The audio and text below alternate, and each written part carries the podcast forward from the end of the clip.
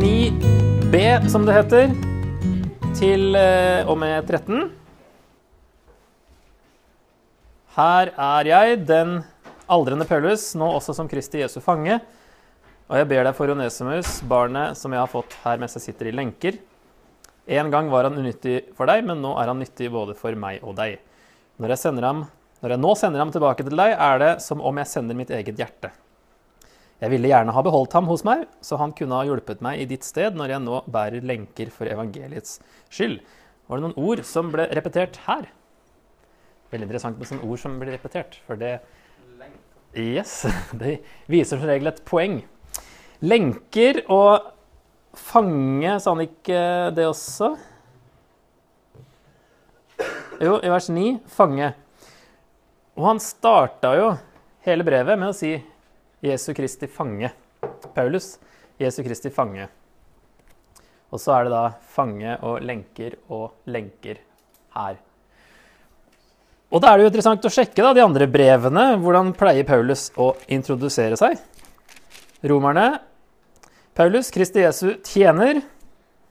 Jeg som er kalt til apostel. Der har vi på en måte begge deler. Tjener og apostel. Første korinterbrev apostel. Andre korinterbrev apostel.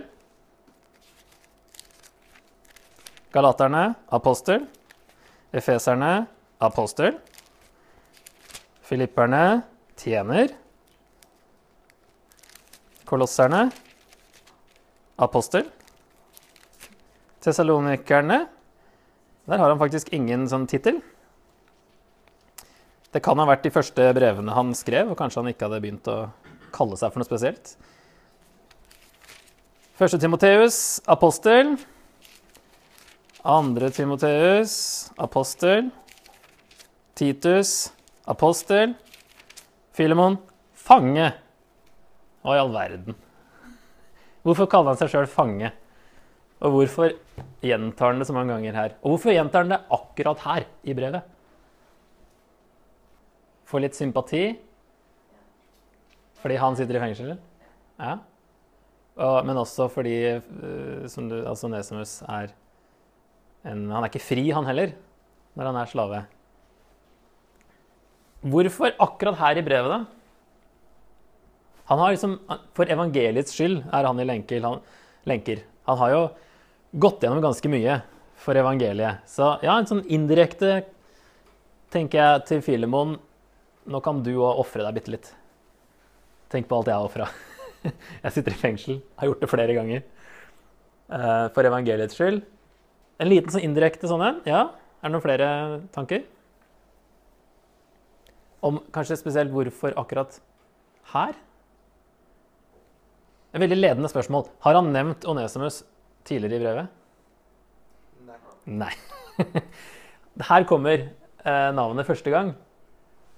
Det er kanskje ikke tilfeldig at det blir veldig mye snakk om fange og lenker og sympati og identifisere seg og sånne ting akkurat her retorisk riktig å legge tyngdepunktet på den måten. Og så er det et ordspill her. Det er jo ikke lett å se, men dere har en fotnote, tror jeg, i Bibelen der det står vers 11 eh, En natt Nei, en natt. En gang var han unyttig for deg, men nå er han nyttig både for deg og meg. Er det noen som har en fotnote der? Hva står det? Altså Står det noe forklaring mer enn bare en henvisning til et annet vers? Onesimus betyr 'den nyttige'. Ja, nemlig. Det ser jo ikke vi på norsk. At onesimus betyr 'nyttig' eller 'den nyttige'. Men det ligger jo da tydelig Det er jo tydelig ordspill fra Paulus, da. Som eh, dessverre er vanskelig å få fram i en norsk oversettelse. At nå har han blitt liksom enda før, altså, Han var jo slave, han var jo nyttig.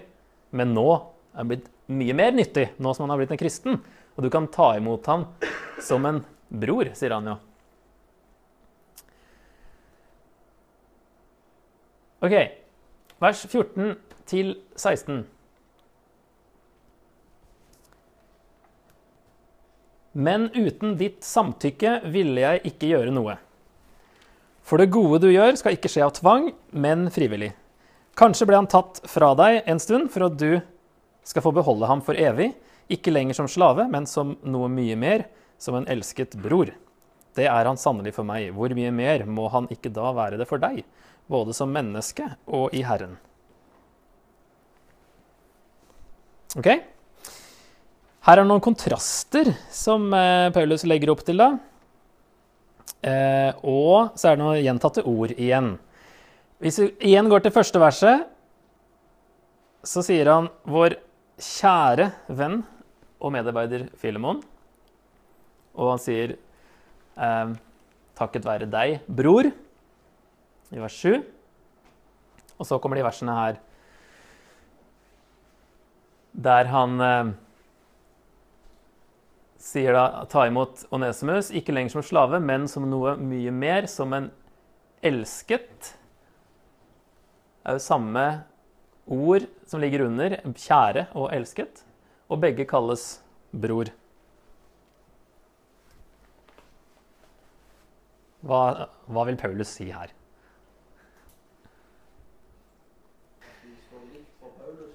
Yes, de står på samme linje. De er brødre, de er elsket. Og Paulus eh, fyrer løs her med indirekte hint om hvor viktig det er at Filemon tar imot Onesmus. Ja,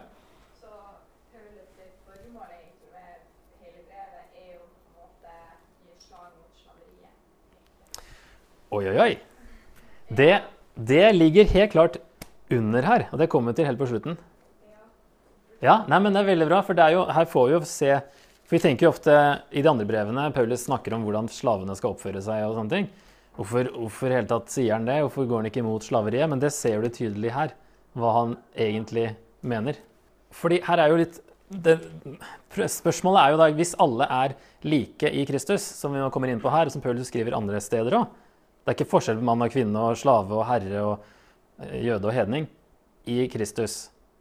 Og så har man likevel forskjellige, forskjellige posisjoner i samfunnet. Og Paulus skriver som regel og sier at dere slaveherrer må oppføre dere sånn, dere slaver skal gjøre sånn. Eh, men her ser vi litt mer på det, hvis, han, hvis han kunne gjøre som han ville, da. Han kunne jo ikke liksom lage revolusjon i Romerriket uten krig. ikke sant? Så, når det var så mange slaver som var så, eh, en så viktig del av samfunnet, så er det her måten Paulus kan gjøre det på. Det er å gjøre det i menigheten. Og det var jo sånn det ble avskaffa etter hvert. Når kirka faktisk fikk mulighet og fikk makt og eh, myndighet til å endre på samfunnet, så ble det jo avskaffa på 300-400-tallet eller noe sånt. I Romerriket. Så det er veldig bra. eh, så akkurat når det gjelder slaveri, så må vi sette oss inn i eh, mye for å forstå det. Og ikke bare hoppe rett til konklusjonen om at slaveri er eh, Vi tenker med en gang på 1800-tallet slaveri og konkluderer med at eh, det er umulig å forene det med kristendommen, og det er det jo. Men det er en annen type slaveri i GT og i Romerriket her, og vi ser litt mer av hva Paulus mener om det her da, i, Fil i Filemon.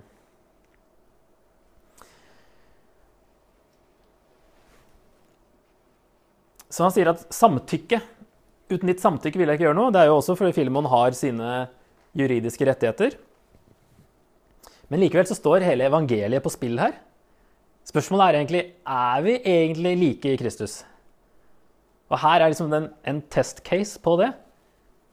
Hvis det faktisk stemmer, at evangeliet faktisk funker i praksis, så må Filemon ta tilbake Onesimus. Eller så, eller så er det ikke, da stemmer det ikke. Da Da er vi ikke alle like i Kristus. Hvis han nå, eh, nå har han blitt en kristen, Onesimus, og Paulus anser han som en bror, kaller de for samme uttrykk, og satser alt på at Filemon kommer til å gjøre det av fri vilje. Han er ganske trygg på at han kommer til å gjøre det òg, virker det som. Han sier jo det mot slutten. Han er, han til og med kommer til å gjøre mer enn det Paulus ber han om. Men det er veldig viktig for Paulus dette her, faktisk, for å se at det faktisk fungerer. Og Det er ikke sånn vi ser med en gang når vi leser det brevet her.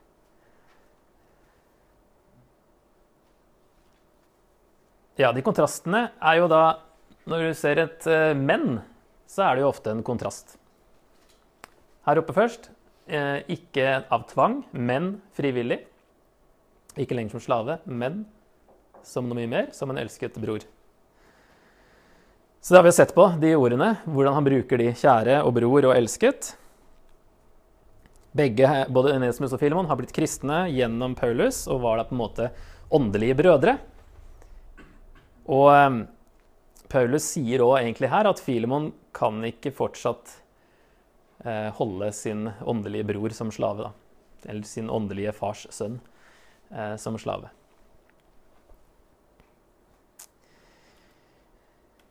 Så kommer han egentlig ikke Det kommer ikke helt tydelig fram hva Paulus egentlig ber om før i vers 17. Hvis du mener at du har fellesskap med meg, så ta imot ham som meg selv. Der er liksom konkret det Paulus spør om. Og hele den vers 8 til 16 har liksom leda opp mot det konkrete her, da. Han er jo veldig inne på det, men han sier det ikke sånn helt tydelig før i vers 17. Og det er sånn som i starten du sa, du skulle bygge det gradvis opp og komme til poenget etter hvert. Så det har han brukt lang tid på nå. Mye retorikk og litt sånn eh, småmanipulerende, føler vi. Eh, som Filemon sikkert ville tenkt at uh, han ville ikke tatt det som manipulasjon, men som uh, veldig bra uh, retorikk. Og her sier han Vi kan lese 17-22, da. Hvis du mener Ja, det leste vi. Hvis han har gjort deg urett eller skylder deg noe, så sett det på min regning. Dette skriver jeg, Paulus, egenhendig. Jeg skal betale. Jeg vil ikke snakke om det du skylder meg, deg selv. Ja, bror, la meg nå ha nytte av deg i Herren. Gjør mitt hjerte rolig i Kristus. Jeg skriver til deg fordi jeg stoler på at du vil adlyde meg. Ja, jeg vet at du vil gjøre enda mer enn det jeg ber om. Og én ting til. Gjør et gjesterom klart for meg. For jeg håper at jeg skal bli gitt til dere som svar på bønnene deres. Ok. Her er det ordspill og veldig mye gøy som kanskje er litt skjult i teksten, og som vi kanskje ikke ser i den norske oversettelsen uh, uansett. Enda vanskeligere i den her enn i f.eks. Bibelen Guds ord eller uh, 1988-oversettelsen, norsk bibel, som er mer ordrett og bruker de samme ordene som Paulus har brukt før. Uh, for han sier i vers 7 om Filemon at de helliges hjerter har blitt fornyet ved deg, står det da i Bibelen Guds ord. Og det er, Hvis du bruker den nå, da, så ser vi den linken litt bedre. Mens her står det at de har blitt med godt mot. Eh, og det er jo en omskrivning, men hvis vi tar liksom bokstavelig altså Det betyr jo det samme, men eh, bokstavelig sier Paulus snakker om hjertene deres, og at de er blitt fornya, og at Filemon har gjort det med mange andre kristne, de hellige. Det er liksom noe Filemon gjør. Det er å, å fornye hjertene. altså Sette dem i godt mot. Det er jo det det egentlig betyr. Og så sa han i vers 12.: Når jeg nå sender ham tilbake til deg, er det som om jeg sender mitt eget hjerte.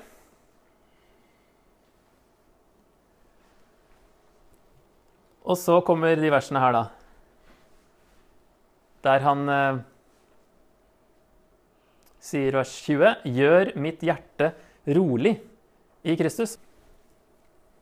For det er egentlig akkurat samme ordet som her oppe. Å fornye.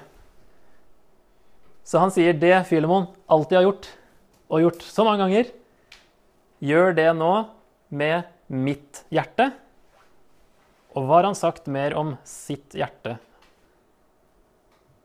Og det er jo Onesimus, det. Ja, det er som om jeg sender mitt eget hjerte.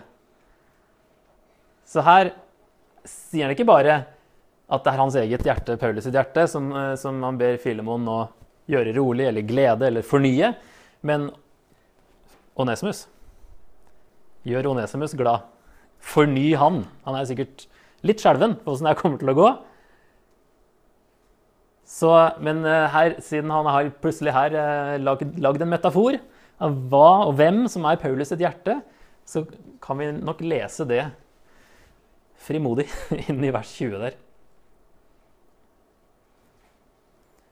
Og så sier han eh, Hvis han har gjort deg urett eller skylder deg noe, så sett det på min regning. Dette skriver jeg, Paulus, egenhendig. Jeg skal betale. Her har han jo signert. Han hadde jo en sekretær som regel som skrev brevene, men av og til så står det 'Dette skriver jeg med min egen hånd'. Dette skriver jeg så dere skal vite hvordan min håndskrift er, så ikke dere skal bli lurt av noen andre som skriver falske brev. Det er andre tessaloniker. Eh, Galaterne, så er det se hvor store bokstaver jeg skriver med dere, til dere jeg skriver med min egen hånd. Og her er det da, kanskje han får pennen her da, av eh, hvem den er som skriver. Dette skriver jeg egenhendig, jeg skal betale. Paulus, signert. Hvis deg hvis, ja, hvis du mener ut fra romersk lov at uh, du har mista inntekt pga. det her, så skal jeg betale. Og så kommer den Jeg vil ikke snakke om det du skylder meg, deg selv. Men det var også sånn retorisk veldig bra. Og liksom sånn Jeg vil ikke snakke om det, men så gjør jeg det likevel. Uh, det å liksom si det du ikke ville si, det var liksom sånn typisk man gjorde. Så det, for oss virker det bare sånn litt annerledes, kanskje.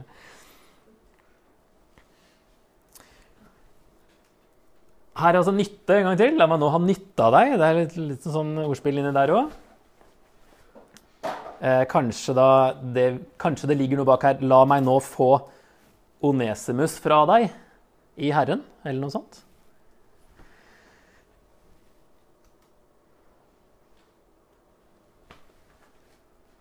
Og så sier han ehm, Jeg vet at du vil gjøre enda mer enn det jeg ber om.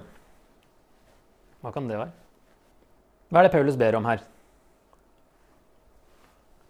Vers 17. Hvis du mener at du har fellesskap med meg Høres litt sånn frekt ut, det òg. Hvis du mener det, så ta imot ham som meg selv. Det er som om jeg sender mitt eget hjerte. Det er som om jeg kommer. Så hvis du mener at vi har et fellesskap, så ta imot Onesimus. Ok? Det er liksom konkret. Jeg vet at du vil gjøre enda mer enn det jeg ber om. I hvert fall slette all gjeld, ja. Mere?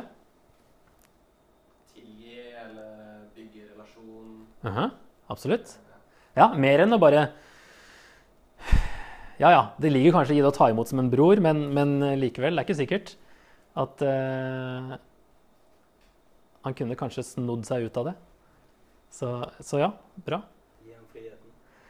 Gi ham friheten, ja. Det er i hvert fall å gå lenger enn det Paulus ber om. vil jo være å sette Onesimus over seg sjøl, ja. Tenk på det. ja.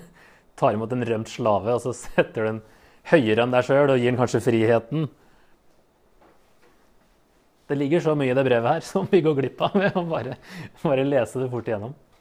Og det er jo eh, Når de slavene ikke blir sett på som personer, juridisk personer, så får du noe helt annet her. Det Kristne verdier var noe helt annet den gangen, og er noe helt annet i dag også.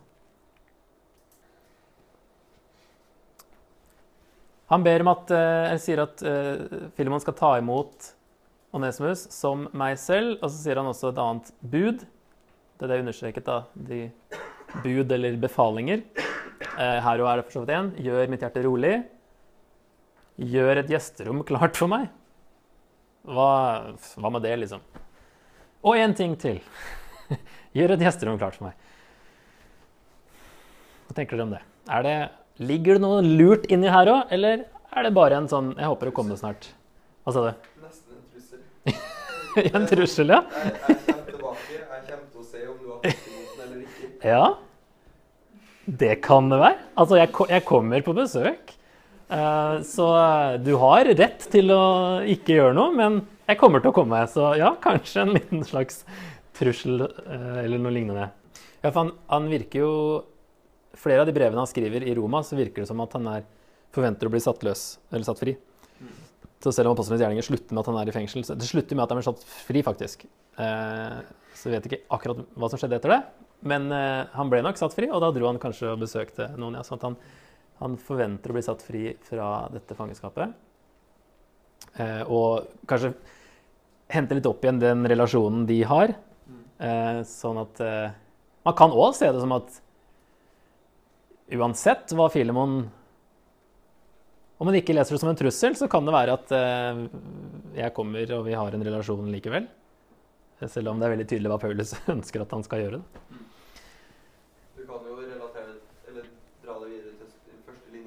Mm. Ta imot han som meg selv. Mm -hmm. Og så skal du gjøre klart et rom for Paulus. Paulus sitter jo fortsatt i fengsel. Hvor lang tid tar det å gjøre i stand et gjesterom? Hvorfor skal filmen begynne med den nå, liksom? Gjør klart gjesterom for meg. Så, men den linken der den tror jeg også ligger inni her. At eh, hvis nå filmen begynte å tenke ah ja, gjesterom for Paulus, det må jo være det, det beste rommet. Finest utsikt og sjokoladekurv og Jeg liker å tenke da, at filmen kanskje ble tatt litt på senga i tankene sine. Men han begynner å tenke på hvilket rom han, ville gitt uh, Paulus. Og så plutselig så går det opp for han uh, den linken der med å ta imot uh, Onesimus som om det var Paulus. Og faktisk, på, det du sa i stad, sette han over seg sjøl. Altså gi han faktisk ja, et gjesterom, da. Kanskje det er veldig fint et. Og på å si, han hadde sikkert mange hvis han var rik og stort hus og sånne ting. Så det kan hende ligger noe der òg. Det kan vi spørre om en vakker dag. Hva mente du med det, Paulus? Og hva tenkte du, Filemon, da du leste det? det ble en fin prat. du, vers 22.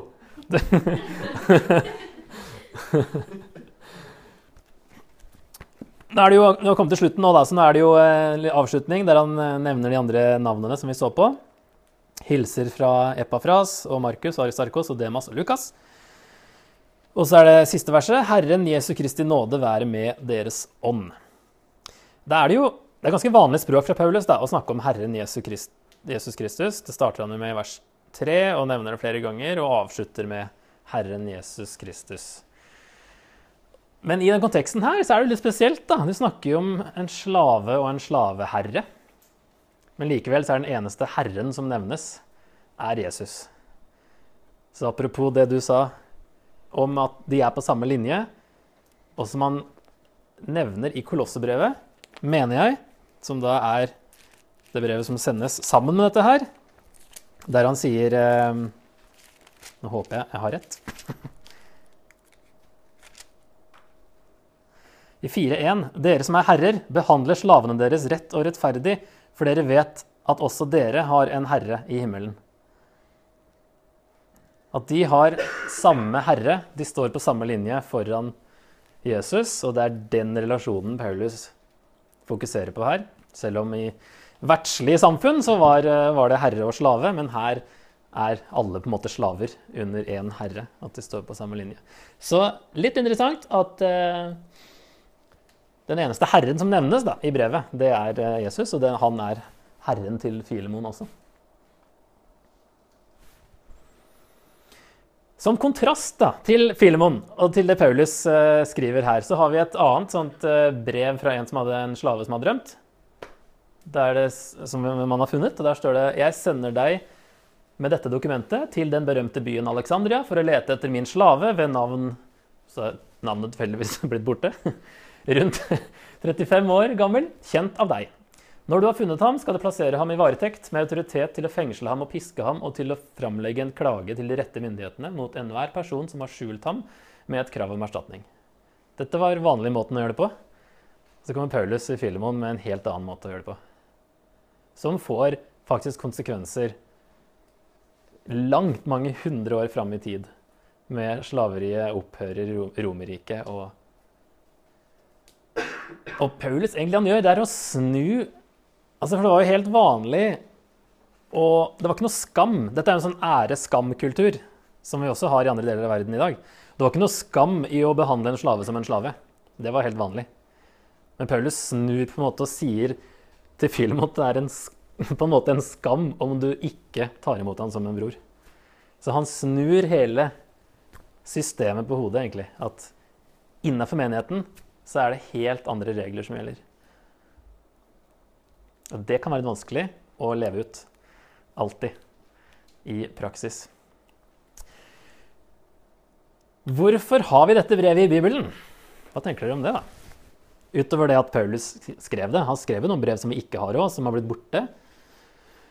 I hvert fall noen brev til korinterne som han nevner, og som vi ikke har. Kanskje et brev til laudikeerne, som han også nevner. Hvorfor har vi dette brevet? Hvem er det som bestemte hva som skjedde med det brevet? Filemon. Filemon, ja. Hvorfor beholdt han det? Det er litt dumt å beholde det brevet hvis han var uenig. Om ikke noen andre i menigheten knabba det fra han. Mest sannsynlig så har vi det fordi Filemon tilga Onesimus. Og kanskje satte han fri. Det er en av disse mm, tidlige kirkefedrene som het Ignatius. Han skrev ca. 50 år senere så skriver han om at biskopen i Efesus heter Onesimus. Så det er jo en teori om at Onesimus ble faktisk da satt høyere enn Filemon når han ble biskop. Og Efesus var jo nabobyen eh, til eh, Kolossai. Eh, Så om det er samme person, så er det jo veldig interessant. At han faktisk gikk fra å være slave til å bli biskop. Det er et, eh, kanskje hovedgrunnen da, til at vi har det. Og så tror jeg også vi har det fordi eh, det er inspirert av Gud. fordi det er et retorisk mesterverk inspirert av Gud, hvor kristne prinsipper og kristen kjærlighet blir satt ut i praksis på et ømfintlig tema den gangen. Og så på det som du sa tidligere med, med slaveri sånn generelt, hva Paulus mente om det. Det er veldig bra at vi har det, fordi det er det klareste vitnesbyrdet på hvordan kristendommen stiller seg til slaveri. Kristne relasjoner skal være et forbilde som viser hvordan verden burde se ut. Det er litt press på oss, da. At vi skal vise hvordan relasjoner burde være. Men som sagt, det ville ha krevd en revolusjon om de, om eh, de skulle avskaffe slaveriet der og da. En liten minoritet kristne som eh, ble forfulgt. Ikke hadde noe myndighet til å gjøre noe som helst. Eh, og som da ville måtte bruke vold og krig for å få det til. Så det var verken moralsk eller noe effektiv måte eller noe som helst sjanse for å få det til å funke på den måten. Han Ignatius, som vi nevnte, altså 50 år senere, eller rundt den tida, han skriver at kristne i den regionen hans, kanskje, da, i en eller annen region i hvert fall, de betalte for å kjøpe slaver fri. Så de gjorde det litt eh, allerede da, og kjøpte fri slaver når de hadde eh, råd til det. Så det her det undergraver hele systemet, det, det Paulus eh, gjør her i Filemon, og det de kristne gjorde utover i historien, helt til det da ble avskaffa noen hundre år etterpå. Ja, ok, Jeg har noen uh, sitater her, ja. Akkurat på det med slaveri. Rett før vi kommer til anvendelsen. Uh, Paulus gikk imot slaveriet på det eneste området hvor han effektivt kunne få til en forandring, nemlig i menigheten. Han gjorde det i dette brevet til Filemon. En som het Van Dijk. Jeg har ikke fornavnet på han. uh, og så er det et annet sitat av en som jeg, jeg tror det var en som heter Ben Witherington III. Det var kristendommen som først transformerte relasjonene mellom slave og herre så fullstendig at det tilførte en eksplosiv ladning til hele institusjonen. Brevet til Filemon gir oss et nærbilde av dette i aksjon. Ok, så lev. Nå har vi jo sett mye, og vi har tenkt mye. Spekulert litt. og så skal vi prøve da eh, lev. Tidløse sannheter, og da kanskje noen spørsmål. Mine tre punkter her, da, det, jo, det har vi vært innom flere ganger her, med forsoning og tilgivelse, er en tidlig sannhet. Og så har jeg notert noen spørsmål. Hvor langt går jeg? Klarer jeg å gi noen det de ikke fortjener? Trenger jeg å bli gjenforent med noen? Eh, og så dette med likeverd og likhet i Kristus. Dømmer jeg andre ut fra deres fortid, eventuelt ut fra hvilken menighet de går i? Har jeg fordommer? Behandler jeg alle kristne likt? Og så er det dette med at i menigheten er det personlige ikke lenger privat. Det at Filemon får dette personlige brevet, men det er ikke privat, for det er adressert til hele menigheten. Så det angår hele menigheten, hvordan vi lever, fordi vi er én kropp. Vi kan ikke være individualister, selv om vi er i et samfunn som er veldig individualistisk så må vi nok tenke mer kollektivt for å tenke mer bibelsk. Lever jeg som om livsstilen min angår hele menigheten? Den er litt saftig å tenke på. Så nå kan dere få et kvarter på det. De, dette her tre kan dere jo, eller andre ting som dere har oppdaga og har lyst til å snakke om det i stedet. Men eh, det er noen spørsmål her å diskutere rundt og reflektere rundt. Og prøve å svare på, kanskje. Så tar vi det fram til klokka ni når det blir